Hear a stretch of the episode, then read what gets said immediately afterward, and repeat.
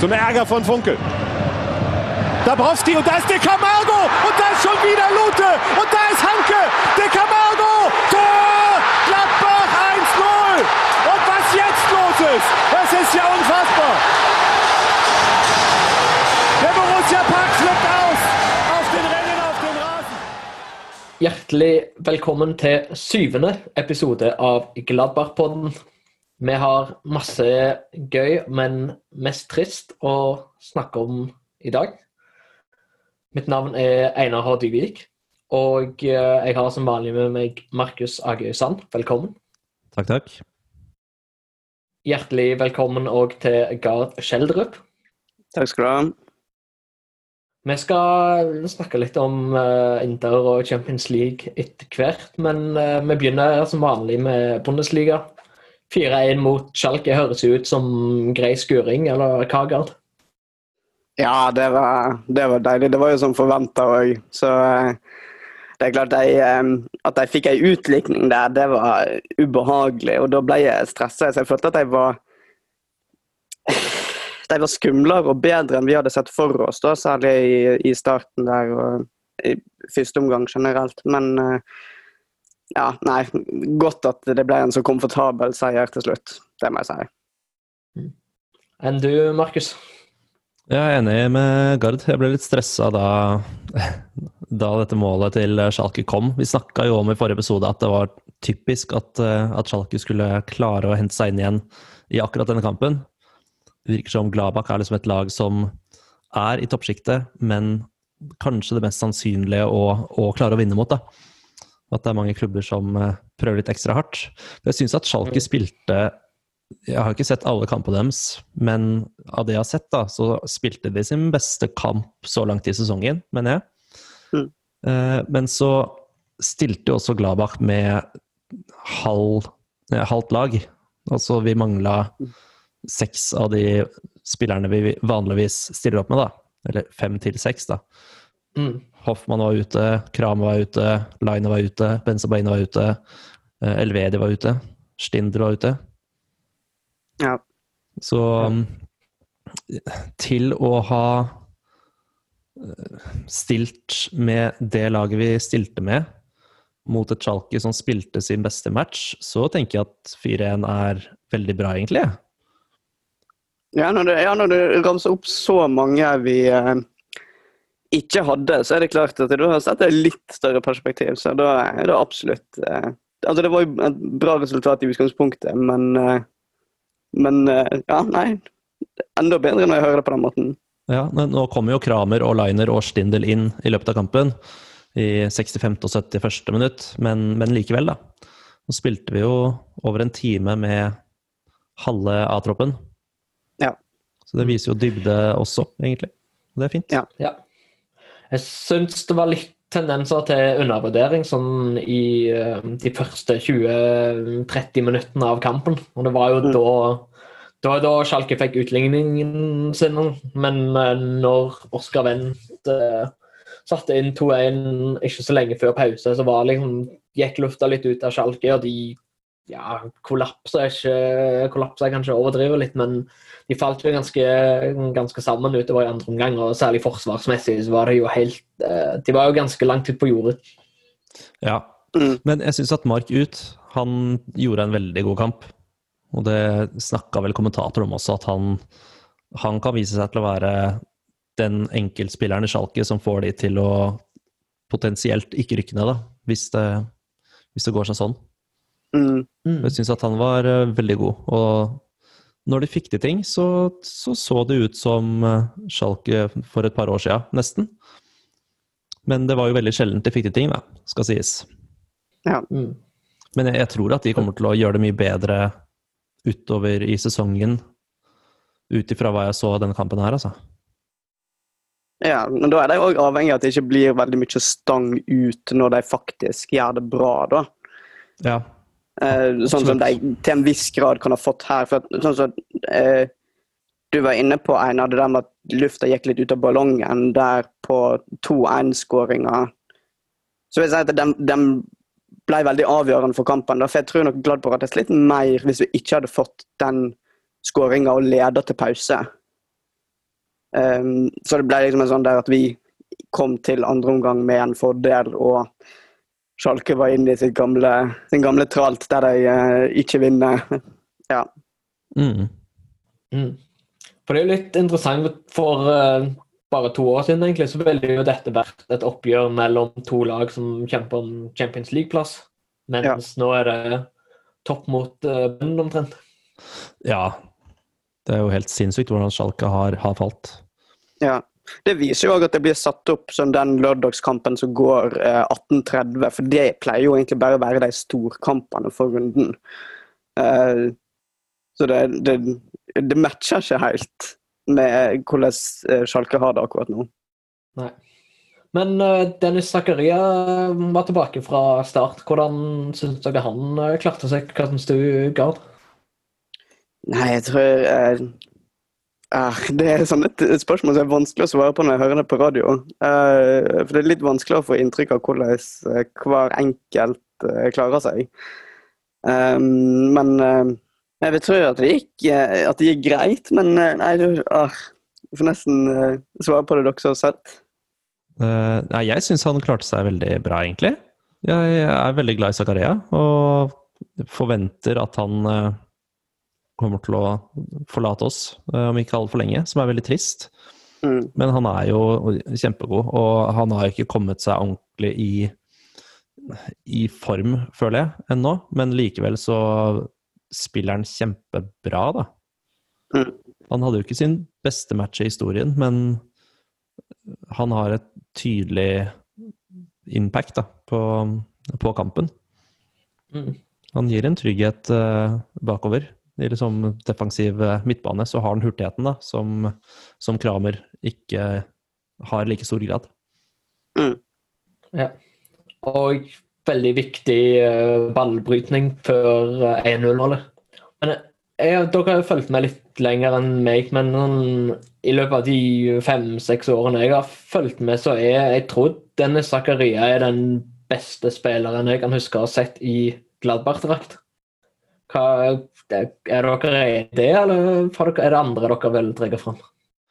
Jeg kommer ikke på noen sånn eh, umiddelbart, men han er vel en av de i hvert fall som eh, har størst potensial og har kommet lengst i å fylle opp det potensialet, kanskje. da. Men uh, mm. Granit Xhaka også var jo helt fantastisk for Gladbach. Ja. Uh, og man kan si mye om Sjaka, men uh, at han gjorde det bra i Gladbach, det er det ingen som kan ta fra han, altså. Nei, For, uh, han har ikke gjort det så bra etter han dro til Arsenal, men, men jeg, jeg, vet ikke om kanskje Zakaria har enda større potensial, altså. Han virker for meg som en mer komplett spiller. Både um, god både defensivt og offensivt, rask, um, sterk god avslutter. Godt driv med ball. Det er ja. mye han kan. Han er god på alt, nesten. Kanskje ikke Jeg har ikke sett han mye på hodedueller, og sånn, men bortsett fra det, så er han han er, han er god på det aller meste. Og selv om han, han har liksom Man kan være litt ustabil, men toppnivået er ekstremt høyt, altså. Mm. Ja. Altså For å komme litt tilbake til spørsmålet litt, jeg, Einar, så var det, jeg kom ikke på noen sånn umiddelbart. Den eneste jeg òg ville nevnt, var, eh, var Sjaka, sånn som Markus var inne på. Mm. Var Marco Royce på Gladbach mens dere uh, fulgte med? Det var han. Ja, der har vi kanskje navnet jeg ikke kom på. For han var jo Han avgjorde jo Eller han var Gladbach i Det var vel 12-13-sesongen. Han var bare helt sånn Nei, det, var, eh, det må ha vært 11-12. Det er godt mulig. For han gikk til Dortmund den sommeren eh, 12. Ja. ja, nettopp. Jeg begynte, jeg begynte, å følge med like etterpå, så jeg eh, fikk ikke med meg Royce. Mm. Nei, jeg, jeg, bare husker han. Jeg, jeg, kjente jo ikke så godt til han, jeg hadde jo nettopp blitt fan. Uh, mm. Men jeg bare husker at han var den desidert beste spilleren på, på Gladbach, da. Mm. Som skårte masse. Så ja, han er nok eh, kanskje den, ja. ja. Som var eh, best. Men, men, han spiller jo en helt annen posisjon enn en Zakaria òg, da. Ja. ja. Så det er litt vanskelig å sammenligne de. For jeg ville jo heller hatt Zakaria som defensiv midtbane, eh, og heller Royce som offensiv midtbane, på en måte. Mm. Mm. Men ja, Royce var helt, eh, helt enorm. Ja. Skårte 41 mål på 109 kamper for Gladbach. Ja, det Og det- det var jo også den tida hvor vi Ja, men den sesongen hvor vi kjempa om nedrykk. Ja. Mm. Han skårte jo i, i en av eh, playoff-kampene mot Bochum, så han var god. Han var god. Ja. Han var, han var veldig god. Men eh, nå så jo ikke jeg på Gladbach sånn på, mens Royce var der, men jeg har inntrykk av at Jeg syns i hvert fall Zakaria er, han er liksom selve hjertet i laget når han er på sitt beste. Da. Hvis du tar han ut, så er det mangler Gladbach en dimensjon, mens Royce, som veldig god offensiv spiller, likevel er en som det er mulig å erstatte med noen andre, uten at jeg skal påstå det for sikkert. Ja, jeg, syns at Mm. Zakaria er veldig flink til eh, Dette er jo Kramer også relativt god til, da, men Zakari er veldig flink til å være bindeledd mellom midtbanen og forsvaret, på litt samme måte som Stindel er mellom midtbanen og angrepet. Mm. At med, med de to på banen, så er det Ja, så klarer Gladbach å spille seg gjennom ethvert lag, nesten, da. Ja. Det er et godt poeng, det. Kan jeg kan være enig i den analysen. Det høres eh, Ja, det høres riktig ut. Men sånn, før vi forlater Schalke-kampen, så syns jeg eh, Patrick Herman starta jo igjen mot uh, Schalke. Jeg synes han, han hadde en del gode involveringer, særlig på Særlig før 3-1-målet. Men sånn, syns han ikke er helt på toppnivå. Han har en del, en del muligheter hvor, hvor han kan fosse framover, hvor han mister ball, eller skudd hvor han skyter utenfor, som han hadde mot Augsburg f.eks. Jeg syns han, han er ikke helt uh, på topp for tiden. Nei, jeg er enig, men jeg føler ikke at han har vært på topp på, på en god stund, egentlig. Han har hatt noen sesonger eller noen perioder hvor han har vært kjempebra og skåret mål og altså, husker jo alle dette volleymålet hans mot Bayern. Han demper den på Mhm. brystet på, ved straffemerket og klinker den inn på volley. Eh, helt fantastisk. Og liksom, han, han kan virkelig glimte til da, og sette en perle, men i hvert fall i forhold til Hoffmann og sånne ting, som han har spilt den sesongen, så, så er han ikke god nok, rett og slett. Ja. Ja. Han, er, han er ikke konsistent nok, kan man kanskje si. Mm. Mm. Syns jeg, da. Ja, men det, det er mitt inntrykk òg at eh, jeg si, Litt av grunnen til at han fortsatt er i Gladbach, er han, han er på en måte bare en del av inventaret der. Eh, men eh, ja, han har de glimta innimellom, men det har vært ujevnt med hvor god han er. Ja, Mm. For jeg, jeg liker han jo egentlig kjempegodt. Han Mm. er jo en av mine favorittspillere. Han er jo litt sånn som Tony Janske. Han er sånn one man, one club player. Ja. Eh, han holder med Gladbach i, i tykt og tynt, da. Og, Ja. Ja, så jeg, jeg er litt sånn frustrert på at han ikke, ikke gjør det bedre, for jeg liker han så godt. Ja, Ja, jeg- det er det samme her. Han var jo mye skadeplager sånn tidligere, men forrige sesong syns jeg hadde, han hadde noen gode perioder hvor han skårte litt og hadde viktige bidrag, men eh, i år eller denne sesongen så har han vært litt lenger vekke fra den, fra den formen. Ja. Yes, men uh, vi kan gå videre til italienske lag og nederlandske dommere, ikke minst. Skal vi Ah, Skal vi snakke om dommeren med en gang, og så ta kampen etterpå? For de som ikke helt har referansen til nederlandske dommere, så har vi i en tidligere episode snakka om dommer Leo van der Kroft, som var sterkt delaktig i å annullere to mål mot Real Madrid i eh, det som den gang var Champions League på 1970-tallet. Og eh, i går så var det da eh, dommer McKellis som eh, først kanskje burde gitt frispark til Marcus Thuram før eh, 2-1-skåringen til Inter. Og så en kontroversiell annullering av eh, 3-3-målet, hvor eh, Embolo står i offside, men hopper vekk fra ballen. Og så mm, på overtid, da, hvor det var spilt kanskje to Hvor det kanskje var to minutter effektiv spilletid av de seks tillagte, så blåser han midt i et Glad- Gladbach-angrep akkurat på eh, når seks minutter overtid har gått. Og virker veldig som han bare ville få avblåst kampen og komme seg hjem og få dette avgjort. Mm. Hva syns, eh, hva syns du om uh, dommeren, Gard? Var det, er det greit i uh, målen han uh, lot gå og annullerte, eller burde, de, burde det gått annerledes?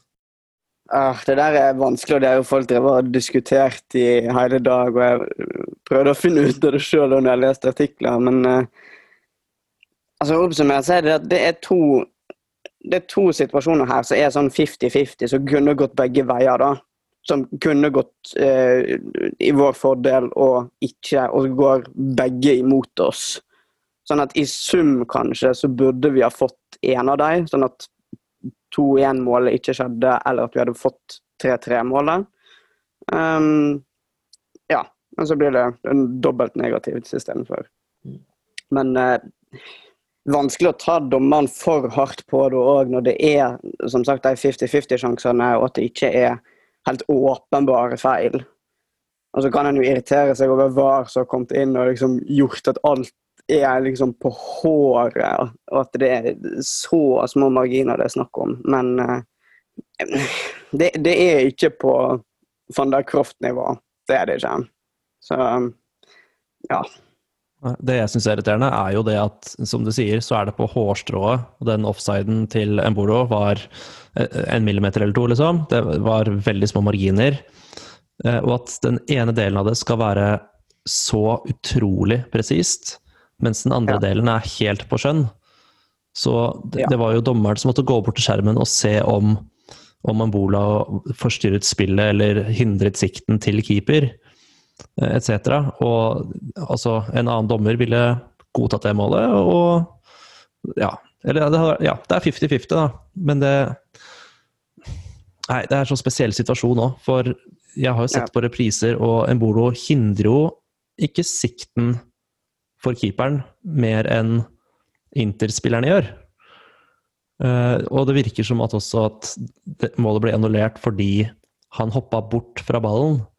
Men om han ikke hadde flytta seg, hadde jo Da hadde det vært en grei offside, på en måte. Men ja, hva skulle han gjort, da? Han kan jo Ja. ikke bare forsvinne. Det, det er vanskelig.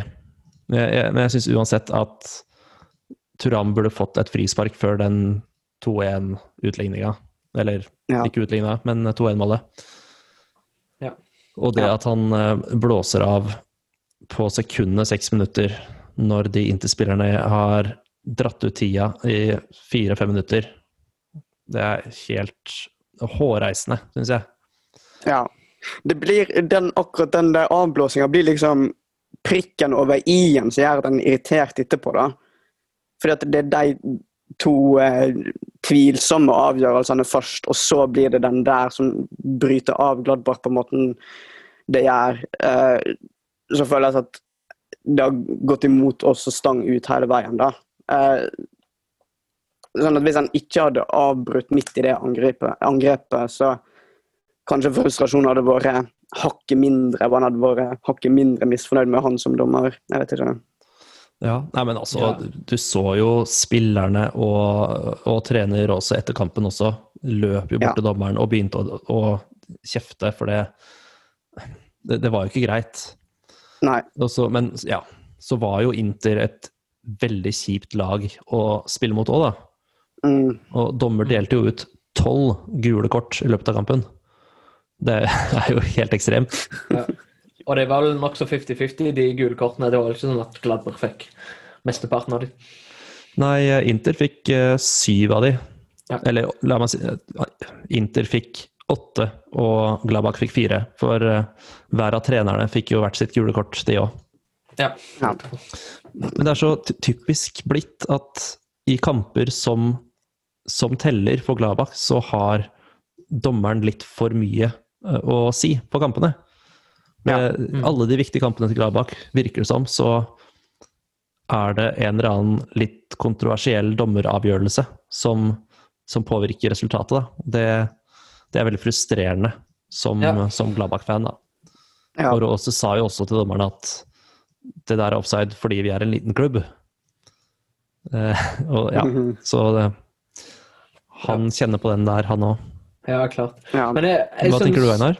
Jeg, eh, jeg er veldig enig med dere mye av det dere sier, men jeg syns Kristoff Kramer oppsummerte det ganske godt etter kampen. For han sa at uh, hvis det hadde skjedd på motsatt side, så hadde han vært en av de første til å si fra til dommer om at det burde vært offside. Og jeg, Ja. når jeg tenker sånn på det, så syns jeg Jeg hadde blitt veldig frustrert hvis Inter hadde hatt en, et sånt mål, og det hadde blitt stående. Det er Mm.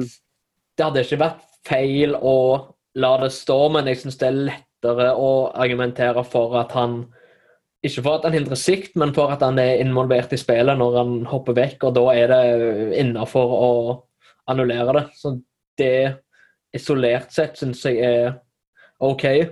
Det som frustrerer meg, er at eh, på etter det målet så er det Interspillerne ligger nede, de haler ut tid. Det blir lagt til seks minutter, men det blir spilt veldig lite fotball i de, og Interspillerne får frispark på lignende situasjoner som den Turam kunne fått frispark for før Inter gikk opp til 2-1. Mens Mm. Han får ikke frispark der, men Inter-spillerne får frispark på hver eneste sånn ting i sluttminuttene. Og så blåser han likevel av direkte på 90 pluss 6 minutter. Det er det som liksom bidrar til dette inntrykket av at dette er en dommer som på slutten mista kontrollen over kampen og bare mm, ville blåse av kampen og reise hjem til Nederland. Ja, Mm. det. Nei, jeg, jeg tenker også at uh, jeg syns ikke at det annulleringen var nødvendigvis feilaktig. Det, jeg, jeg skjønner hvorfor han eh, dommeren sa, eller avblåste det målet, da. Men eh, det er like frustrerende likevel. Men jeg, og jeg er helt enig i hva du sier, Einar. At de ja, de frisparkene som Inter fikk på slutten der De fikk jo tre gule kort mellom 89. og 94. minutt. Mm. Inter. Åh. Så for Ja. de som ikke så kampen, men som har sett italiensk fotball før, de kan jo se for seg hvordan det så ut. Ja. Så Men- det, det, det er noe med summen her da, av alle de der avgjørelsene og, det, og eh, alle de situasjonene. For isolert sett så er det ingen av de som er sånn hårreisende eller sånn spesielt ille. Men eh, ja, når du får liksom tre situasjoner i samme kamp, så er det litt sånn Ja, tvilsomme eller eh, favoriserer ett lag, så blir inntrykket en sitter igjen med ganske dårlig. Mm. Mm. Men for å um, gå vekk litt fra dommer og sånn, og se på innsatsen til både Gladbach og Inter sånn, isolert sett, hvordan syns dere de to klarte seg? Jeg syns jo Jeg syns personlig at eh, det var egentlig ikke ufortjent at Inter vant, selv om det heller ikke ville vært ufortjent med et uavgjort, og at Inter var særlig i første omgang mye bedre enn det Gladbach var. Ja, den første halvtimen var jo helt katastrofal for eh, Gladbach. Vi Mm. hadde jo ikke møtt opp til kamp. Så det var ikke før etter 30 eller 35 minutter at vi viste oss på banen. Så det, det kunne fort stått eh, en litt kjipere score eh, etter 30 minutter. Men, men etter 30 minutter så syns jeg at Gladbach spilte kjempefint. Ja. Og ja, det var, jeg tror det var et smart trekk å bytte ut Janske mot Zakaria i pausen. For Zakaria klarte i større grad å hamle opp med Lukaku, da. Selv om han gjerne skulle ha hamlet opp med han enda litt bedre. Mm. Mm. Men det må også sies at den klareringa, eller blokken til Janske eh, i første omgang, jeg husker ikke akkurat når det var, men når han først liksom slenger seg to meter og sperrer et skudd, og så blir det retur som han tar på huet, eller i ansiktet. Fantastisk. Han eh, Ja, det var nydelig. gir alt for klubben. Det skal jo sies at Han ble jo bytta ut pga. skade. Det var Jeg vet ikke hvor eh, godt kommunisert det ble i går kveld, men eh, eh, det var vel at uh, han hadde noe med kneet som han hadde kjent på siden dagen før. Uh, så han ble vel bytta ut. Jeg vet ikke om det var preventivt eller om det var faktisk var skade. Men ja, Ja, det det, var, det var ikke ren taktikk som gjorde det. Ja. Skjønner. Mm. Jeg syns Sommer eh, Det er jo et hardt skudd på 1-0-målet fra Darmian, men det er likevel et skudd som Sommer bør kunne stoppe. Og på 2-1 så er det Så syns jeg Zakaria blir litt for uh, overivrig mot uh, Lukaku, som er råsterk og um, han er nesten umulig å matche på styrke. Og så er det 3-1 hvor uh, Lukaku kommer gjennom hvor man må følge løpet mye bedre, syns jeg. Så det er litt sånn Man kan legge litt skyld på dommere for at han er litt eh, lar 50-50-situasjoner gå innta sin vei, men man må bli litt mer kyniske sjøl i å forsvare eget mål. Mm. Jeg er helt enig. At uh, Forsvaret kunne vært bedre, og spesielt med, med da Lukaku. Og Det var noen ganger vi var litt sånn treige tilbake, men uh, de jobba jo så beinhardt òg. Og Liner også hadde jo helt fantastiske blokkeringer. Han er også en jeg vil trekke fram som en Ja, jeg trekker frem han ofte, føler jeg, men han er en spiller som er så bra da, på banen. og utfører Råses taktikk så fint. Jeg ja, måtte bare si det. Men eh, jeg savnet Elvedi. Jeg gjorde det. Ja. Ja, Leina var Jeg tror jeg, Unnskyld. jeg, jeg tror jeg eh, Kicker ga Sommer eh, karakter fem på børsen, som på tysk betyr det dårligste. For der går det fra fem opp til én. Så det sier det var ingen god kamp for Sommer, den, eh, ja, den kampen her. Og eh, ja, jeg, jeg vet ikke om, han, om de eh, situasjonene var noen, sånn noen han absolutt burde tatt eller ikke, men uh, der en kan skryte av Liner, da, så eh, kan han ikke det som er i denne kampen her. Men fem syns jeg var litt strengt, for han hadde jo han hadde en del gode redninger òg. Hvor han retta opp inntrykket litt, i hvert fall. Han var ikke så, så elendig, synes jeg, selv om han burde tatt i hvert fall ett av målene. Ja, det er kanskje Nei. det det går på, da, at han ikke tok det han burde ta. Eh, Det er mulig. Jeg vet ikke, og så er han jo uheldig på det ene målet, at han får ballen mellom beina òg. Klarer liksom akkurat ikke tidsnok å, å blokkere. Mm. Mm. Men eh, Tony Janske fikk fire, og Oskar Wendt fikk fem. Så det er eh, mye dårlige rangeringer Strengt. i denne Ja. kampen her, altså. Ja, ja, for særlig, særlig den til Janske syns jeg var spesielt streng. Der. Hva i all verden? Men uh, Ja, nei. De er, jo, de er jo mer nøytrale enn det vi er. Det er de absolutt. For vi, vi er jo på ingen måte nøytrale. Nei. Nei. Nei, men det var, det var jeg et ganske jeg syns ganske klarte seg ganske bra, men eh, jeg vet ikke om man bare har liksom litt lavere forventninger til han enn man har til Ginter og Elvedi, siden de er første stopperne våre. Men eh, jeg syns han, stort sett gjorde det greit mot Lukaku og eh, Lautaro Martinez. Ja. Ja. Jeg, jeg tror kanskje det stemmer litt, altså at uh, det er så hyggelig når Janske får til ting. At man uh, tror det er litt bedre enn det er, kanskje. Som, Ja. som Gladbach-fan, da. Jeg må si når jeg hørte på radioen, så hadde han eh, kommentatoren hadde med seg Jonas Hoffmann eh, som kommentator. Så de satt der og og, og roste Janske opp i skyene og satt og, og lo når han gjorde ting på den vanlige Janske-måten. Og det var ordentlig kjekt der oppe. Ja, det kan jeg se for meg. Ja. Nei, men sånn, totalt sett så syns jeg at den eh, kampen var eh, Vi burde fått mer enn ett poeng på disse to kampene mot Inter. Det var, jo, det var jo samme dommer i forrige kamp, og da var det ikke noen store kontroverser. Men eh, der er det mer laget som burde klart å forhindre det siste målet, da. Det ble jo 2-2 Mm. den siste Ja. kampen. Eh, og der burde vi fått med oss tre poeng. Og da Ja. ville ting sett annerledes ut. Så Yep. totalt sett så fortjener vi mer enn ett poeng. Vi fortjener tre, vil jeg si. Tre eller fire. Mm. Ja. Ja, Enig. det kan jeg være enig med deg i. Og hvis vi legger til det, den realkampen òg, så skulle vi egentlig hatt to poeng til derfra òg. Ja, absolutt. Mm. For det er den, den siste skåringa som kommer helt på slutten der. Ja, men, men likevel, da. Vi, vi ligger fremdeles på toppen av Champions League-gruppa vår, og det er jo helt sjukt, egentlig. Ja. Altså, vi er i gruppe med Inter og Real Madrid. Eh, problemet er jo da at alle kan komme på førsteplass. Det kan de ikke. Alle kan komme eh, videre. Sånn er det. Ja. Og det er vel den eneste gruppa hvor det kan skje, eh, tror jeg. Mm. Ja, riktig. Men ja, vi ligger på første. Men eh, jeg kan vi ikke bare ta litt hvordan det, hvordan det står til, da? For det er jo sånn at vi må jo ta poeng mot Real Madrid for å være sikre på å gå videre.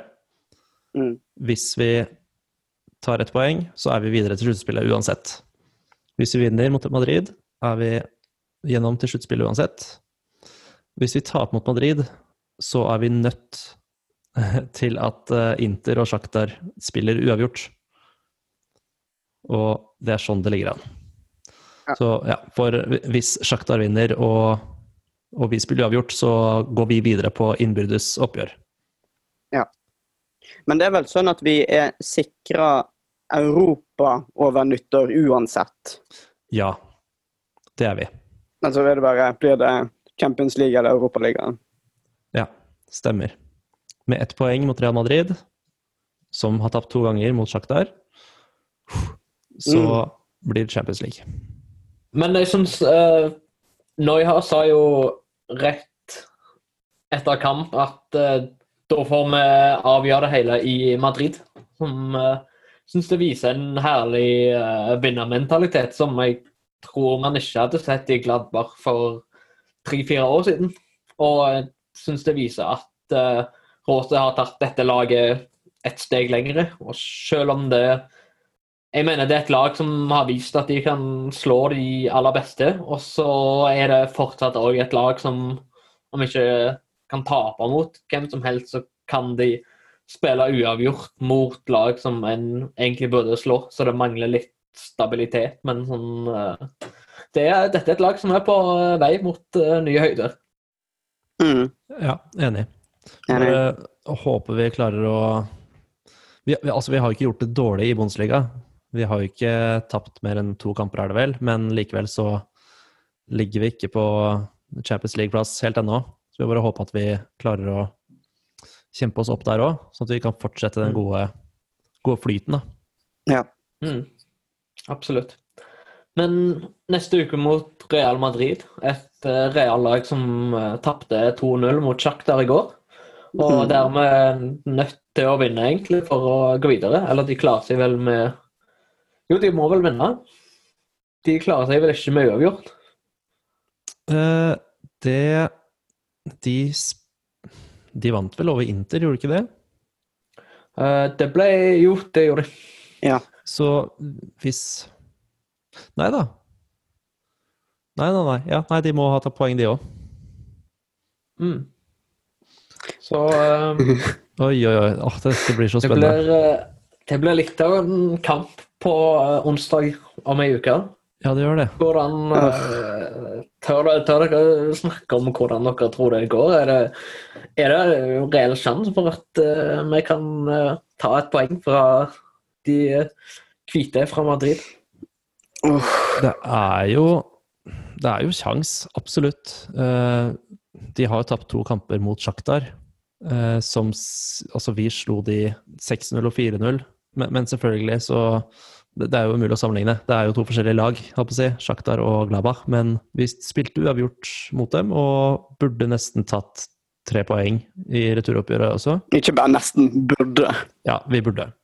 Ja. Ehm, så det er kjangs. Og Hazard er eh, ute med skade. Valverde er ute med skade. Ordizola er ute med skade. Ramos er ute med skade.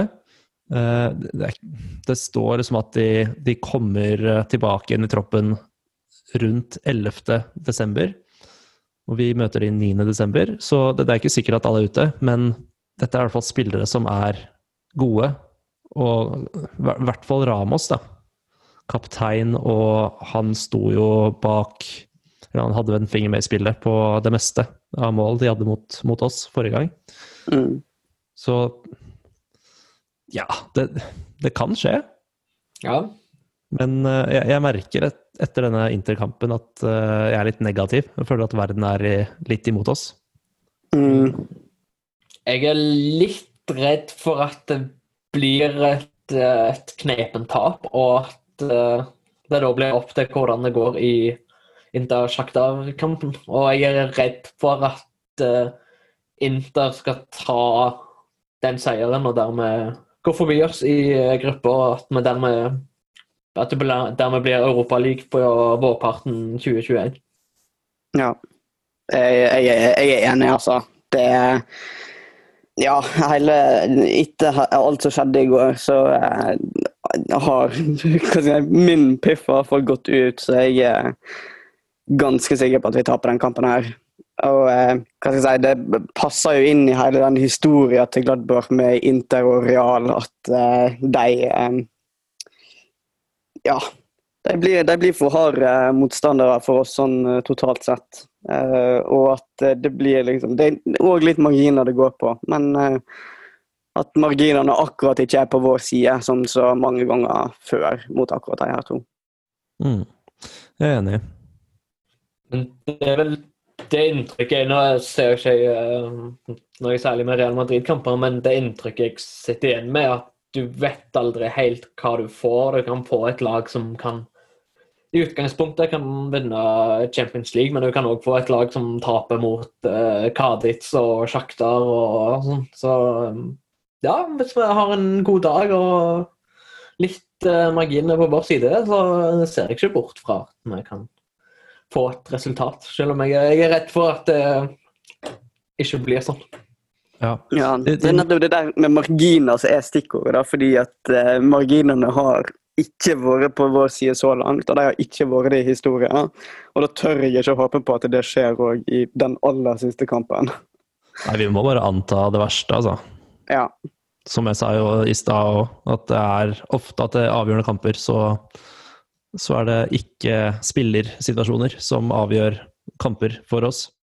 Mm. Mm. Dommer og brusbokser og alt dette her. Mm. Men eh, Real Madrid møter jo Europaliga-vinnerne Sevilla eh, i helga nå. Og det er jo en, en hard kamp som, som Real Madrid bør vinne. De, Real Madrid ligger ett poeng foran Sevilla på tabellen, og de ligger på fjerde- og femteplass. Så Real Madrid må stille mannsterke dit, altså. Og de må stille mannsterke mot Gladbach også, for å for altså, De veit nå at de, de kan ikke undervurdere Gladbach Mm. som har alt å vinne. Så forhåpentligvis, så kombinert skader og slitne bein, så, så er det et håp. Men uh, jeg også er veldig negativ til uh, dette her akkurat nå. Det er synd. Mm. Ja. Vi tipper resultat som vanlig. Har du lyst til å begynne, Gard? Mm. 2-0 til Real. Markus? Ja. For en entusiasme du sa det med. Eh, Ja, nei, det, det er ikke entusiasme i det der. nei, Ja. Nei, det er ikke, ikke noe her heller. Men jeg, jeg gruer meg bare til onsdag. For jeg, jeg tror det bare kommer til å bli helt kaoskamp, og jeg kommer til å få drypp Nei, jeg veit ikke. Jeg kommer til å være helt ute. Eh, Så tror jeg det blir en skikkelig kaoskamp, og så blir det sånn Mm. 5-4 eller noe sånt. Men eh, nei, jeg tror Real Madrid vinner med ett mål. La oss si 4-3, da. Ja. Eh, det blir jo, altså, folk var jo spente på USA-valget og hvordan det skulle gå med Trump og Biden, og sånn, men dette her blir jo dette her blir jo eh, flere ganger større enn det. Uten tvil. ja.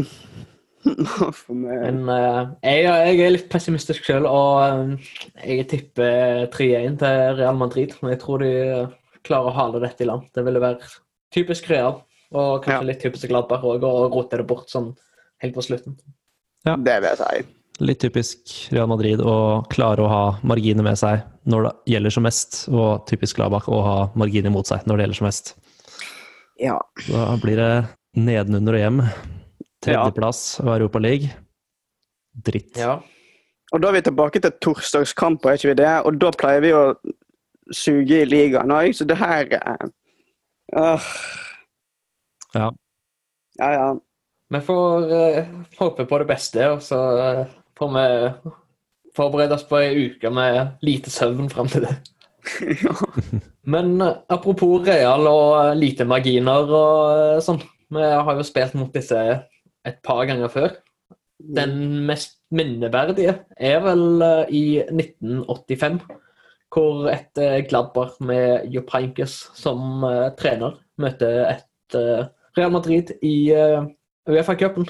Og eh, den første kampen går jo veldig bra for Gladbach. Gard. Ja, den eh, første kampen går veldig bra.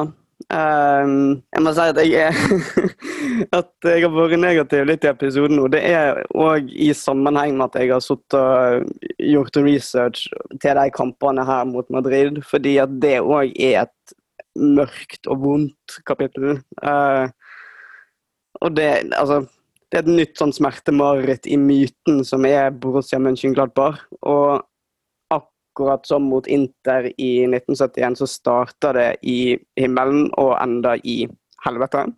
Eh, på akkurat den tida her, for 35 år siden, i slutten av november, første halvdel av desember 1985, da gikk rundene i åttedelsfinalen i Uefa-cupen.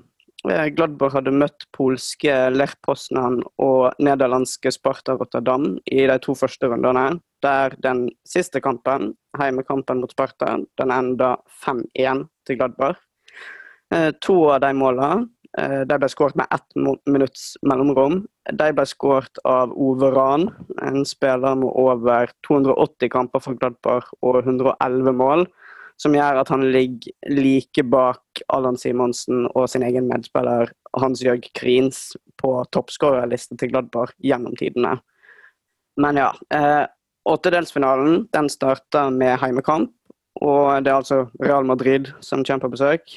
Eh, det starter som en ganske treig kamp uten veldig veldig masse som skjer, før Gladbach-spiller Frank Mill plutselig, i 36. minutt, skårer i en ganske kronglete situasjon, der de to nevnte Ran og Krins òg er involvert. Og det blir en slags eh, Dawson-øfner, som en sier på tysk. Altså en boksåpner. Et mål eller en hendelse som får fart på kampen. Og kort tid senere så skårer realspiller Salguero et nydelig, men ufrivillig selvmål rett opp i nettaket. Laget går til pause på den stillinga her, 2-0. Og når de kommer tilbake etterpå, så varter Ove Ran igjen opp med to veldig raske skåringer etter hverandre i minutt 55 og 59. Eh, men så skjer jo det som skal vise seg å bli skjebnesvangert i den kampen her. Uh, Rafael Gordillo skårer for Real, og stillinga er plutselig 4-1. Eh, og jeg vet ikke hvordan Gordillo feirer det målet, men like etterpå så får han direkte rødt kort. Av en eller annen merkelig grunn. Eh, det er jo ikke utenkelig at det kan ha virka litt avvæpnende på Gladbar. Eh, komfortabel ledelse, overtall, utvist målskårer som kommer til å miste neste kamp. Ja, den eh, kampen her den går jo som en leik. Og den åttedelsfinalen her. Eh, og så er det så utgjort òg at den tyske kommentatoren i den kampen faktisk er inne på hvor farlig et sånt bortemål er, og at Real nå kun, i hermetegn, trenger en 3-0-seier hjemme for å gå videre. Snakk om, snakk om jinxing. Men, eh, men som sagt, Gladbar er nok ikke inne på den tanken i det hele tatt.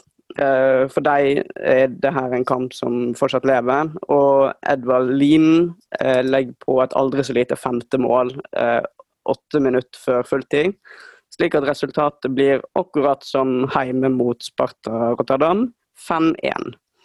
Og to Evald Eval, eh, Eval Lien er jo en som uh, St. Pauli-fans kanskje kjenner igjen. Han var jo trener der uh, i flere år inntil nokså nylig.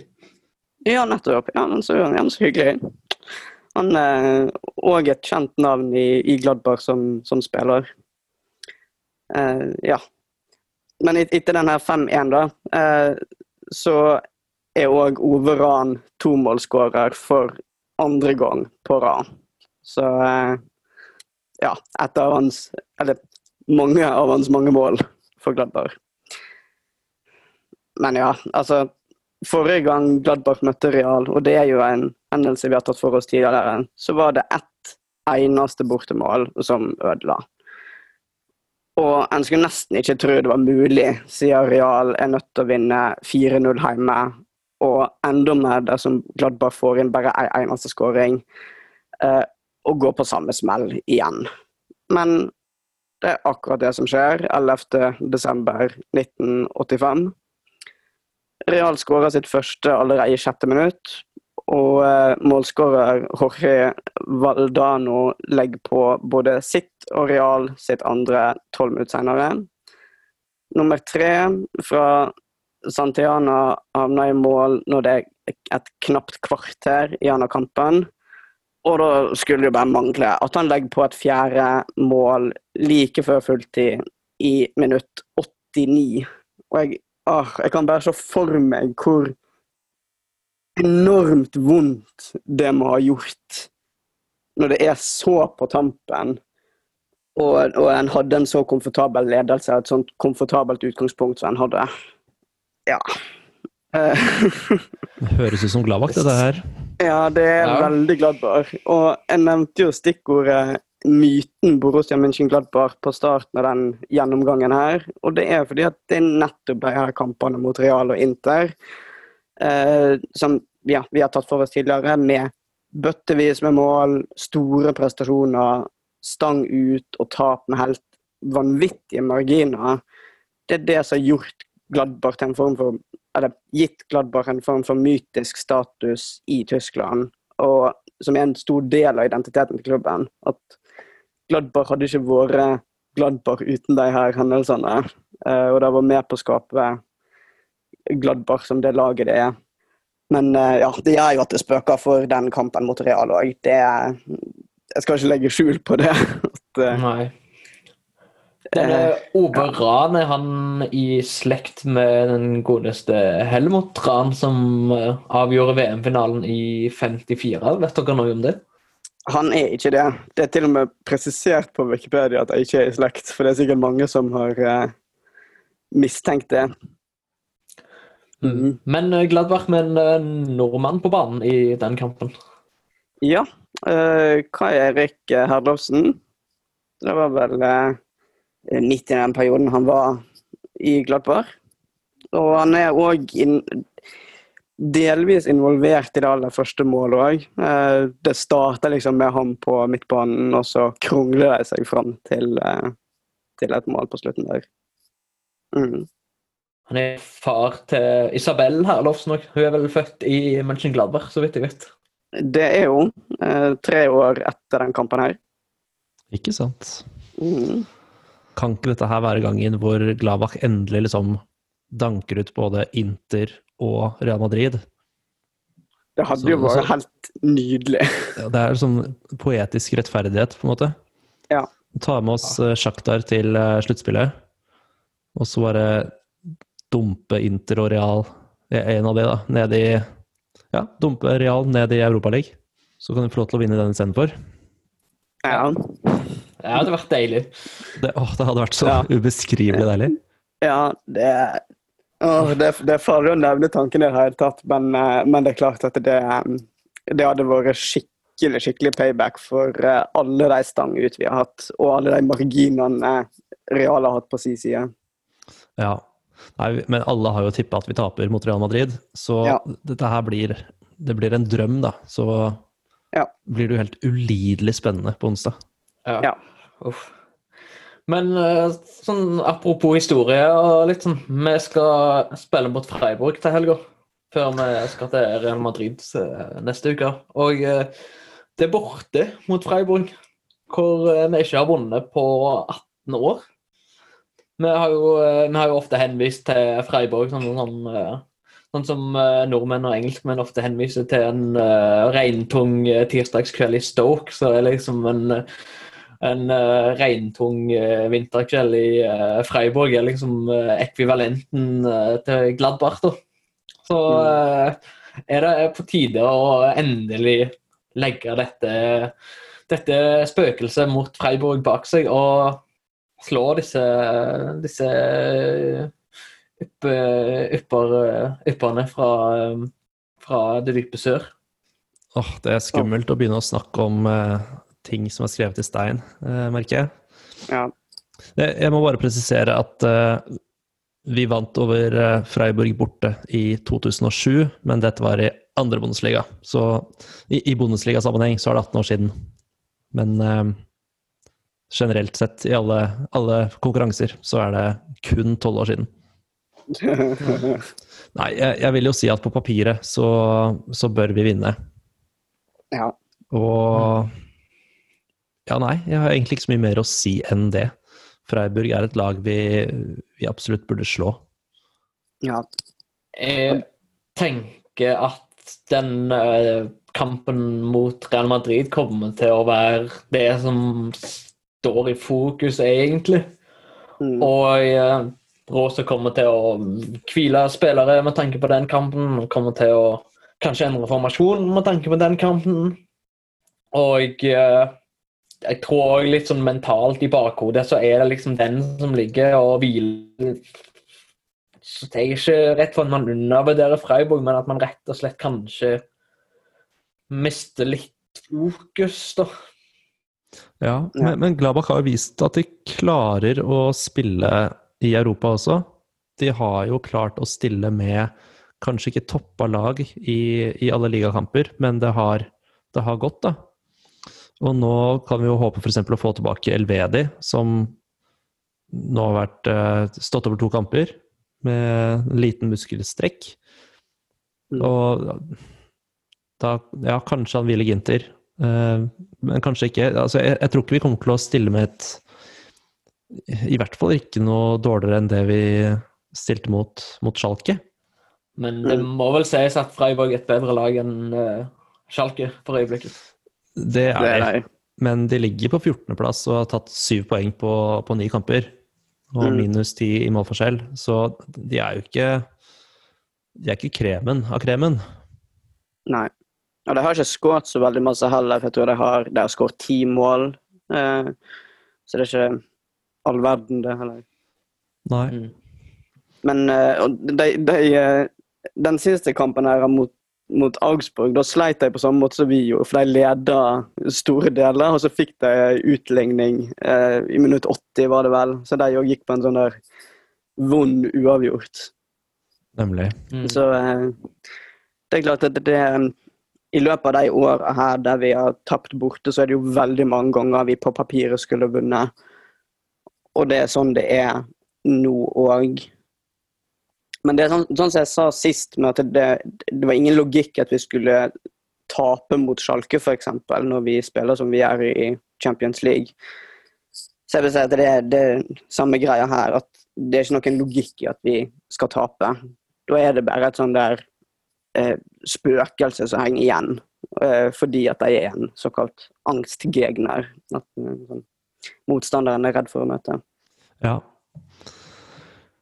Men eh, de har spilt en del med, med fem bak denne sesongen her, og det tror jeg, hvis de stiller med fem bak, da, at det kan kanskje være en liten fordel for Gladbach. Med tanke på at uh, Turam og Embolo og Plea alle er, og Stindel for øvrig, veldig flinke til å komme seg rundt og gå bak og sånne ting, og ikke liksom holde seg akkurat på, på splitsplass. da. Så jeg tror vi klarer å kan klare å overraske Freiburg på mange måter. Mm. Ja. Men så har vi jo gamle Gladbach-spiller eh, Vincenzo Grifo, italieneren, Ja. som uh, sannsynligvis starter. Han er jo en liten luring som fort kan uh, finne på noe abelgøyer. Mm. Ja, han er skummel. En sesong i Gladbach, var det ikke det? Jo, en eller to, jeg husker ikke helt. Han har, eh, han har skåret tre, tre mål.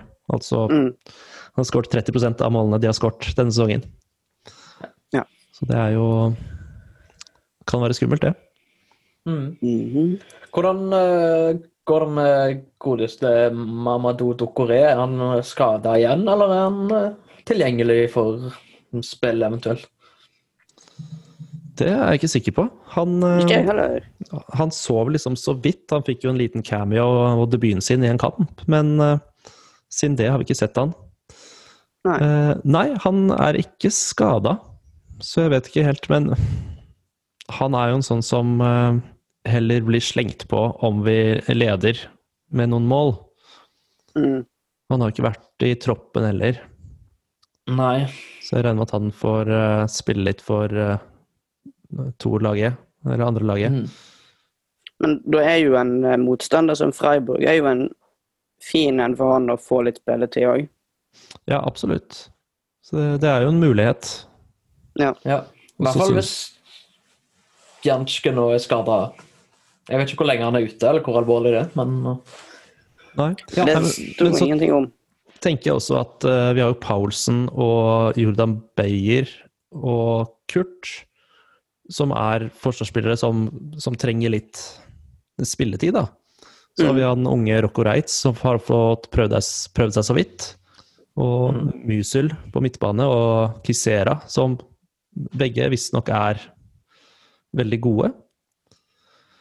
Så det er jo nok av uh, unge, sultne spillere å sende utpå der. Men eh, Mm. jeg tror det spørs litt hvor eh, hvor mye nød det er, da. Ja. Hvor mye disse A-spillerne trenger å, å hvile. ja. Men er nok, jeg eh, Nei, unnskyld. ja, det er noe med å ikke eh, ha for store endringer òg. Eh, for en trenger jo tid på å spille seg inn. Så eh, å stille med bare nye unge spillere som trenger spilletid, er jo heller ikke så veldig lurt. Nei, men de trener jo nesten daglig, da, med disse voksne gutta. Ja, Så de har jo en eh, forståelse. Men selvfølgelig, det er noe annet på banen. Det er det. det er det. Nei, det er spennende å se, i alle fall. Det er, det er så mange faktorer som spiller inn her, at det er litt vanskelig å si hvordan det blir. Men uh, jeg, mener, jeg er enig med deg, Markus, i at uh, selv om det er litt sånn kamp som kommer med fokus på Real, og sånn, så er det et eh, Freiburg er et lag man bør slå i eh, Hvis jeg skal tippe resultat, så tipper jeg 2-1 til Gladberg. Ja, jeg slenger meg på 2-1, altså. Det høres, uh, høres riktig og overkommelig ut. Ja, jeg, jeg er enig. Uh, Jeg tenkte òg på uh, ikke så mange mål og ett mål i målforskjell, så 2-1 høres plausibelt ut. Mm. Og hvis man ser på XG, eller X-statistikken også til Freiburg, så, så ligger de akkurat der hvor de burde på tabellen, og de har faktisk skåret et mål mer enn de, enn de burde. De, men de Ja, så de har på en måte overprestert lite grann når de har syv poeng etter eh, ni kamper. Så det kan tyde på at eh, de er enda litt dårligere enn de kanskje burde vært. Mens, eh, mens Ja. Køllen derimot, som ligger plassen under, de burde hatt ti poeng istedenfor de seks de har. Mm. Så um, ja, Freiburg er ikke De er liksom med i, i nedrykksstriden, da, ifølge statistikken i hvert fall. Mm. Men eh, den kampen er på lørdag klokka halv fire, ikke fredagskamp, som eh, det også ofte er mot, mot Freiburg. For de som ikke vet det, så er eh, fredagskamp mot, eller borte mot Freiburg er liksom det verste man Glaba kan få da, i, i Bundesliga. Ja. Vi eh, sier takk for oss for denne gang. Tusen takk til Markus. Takk selv. Takk til Gard. Selv takk. Får dere ha en eh, fi, fortsatt fin uke og en fin helg, og så snakkes vi neste uke, hvor eh, vi forhåpentligvis har eh, hyggeligere ting å snakke om enn eh, vi har hatt i dag. Yes. Ha det bra. Ha det. Tschüss. Manuel Neuer, der Gegenspieler. Fritz gibt den Ball frei. Rami Benzebaini. Ein, zwei, drei Schritte. Benzebaini. Tor, Tor, Tor, Tor, Tor, Tor, Tor. 2-1. 2-1 Gladbach. Rami Benzebaini.